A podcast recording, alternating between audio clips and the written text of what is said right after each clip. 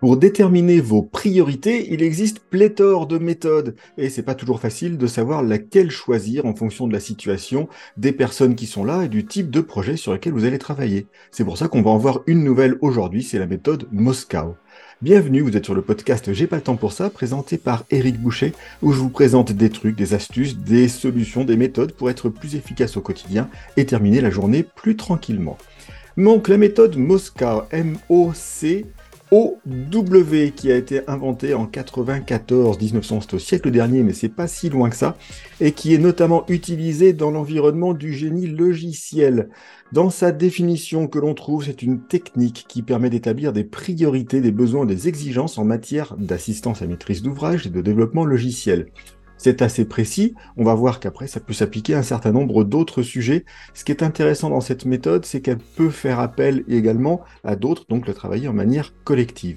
Donc on a nos quatre lettres M, S, C, W avec des petits O entre les deux. On va voir ce que chacune des lettres signifie.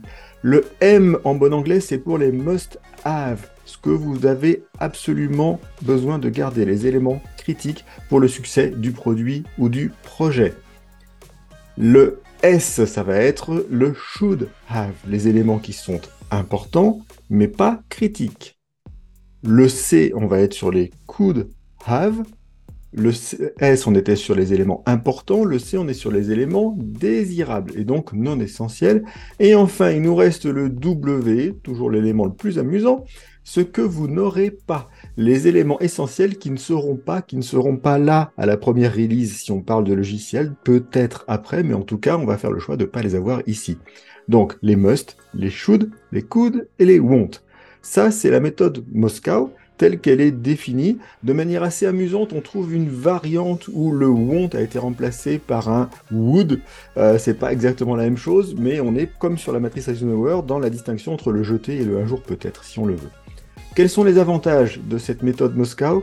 Ça permet de focaliser bien évidemment et notamment sur la première, la deuxième catégorie, d'être sûr qu'on va vraiment travailler là-dessus et pas sur le reste. C'est une méthode qui est très collaborative. Idéalement, vous allez le faire en interrogeant toutes les parties prenantes, potentiellement des utilisateurs, euh, les différentes parties de l'organisation pour être au clair sur ce qu'on va faire et sur ce qu'on ne va pas faire. D'où le troisième élément de la prise de décision.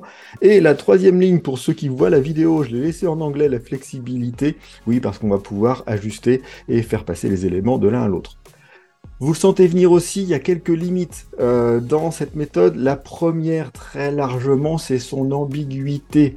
Les quatre termes sont pas définis de manière extrêmement précise. Qu'est-ce qui est un must, qu'est-ce qui est un should? Donc ça va être une question de vote à un moment donné, là où la matrice urgent important est assez claire encore qu'on puisse argumenter sur l'importance d'un sujet, mais au moins on a des axes. Ici, sur le Mosca, on est quand même sur du sensible et donc il va falloir se mettre d'accord. C'est-à-dire qu'il y a aussi une partie de discussion, de négociation. L'allocation des ressources va pas forcément être si simple. La priorisation, on n'a que quatre catégories. Ça va pas nous définir dans le détail de chacune. Et la définition du temps et l'effort qu'on va passer là-dessus n'est pas forcément prise en compte dans cette méthode. Donc, comme souvent, on va potentiellement combiner plusieurs méthodes pour arriver à être plus efficace en équipe.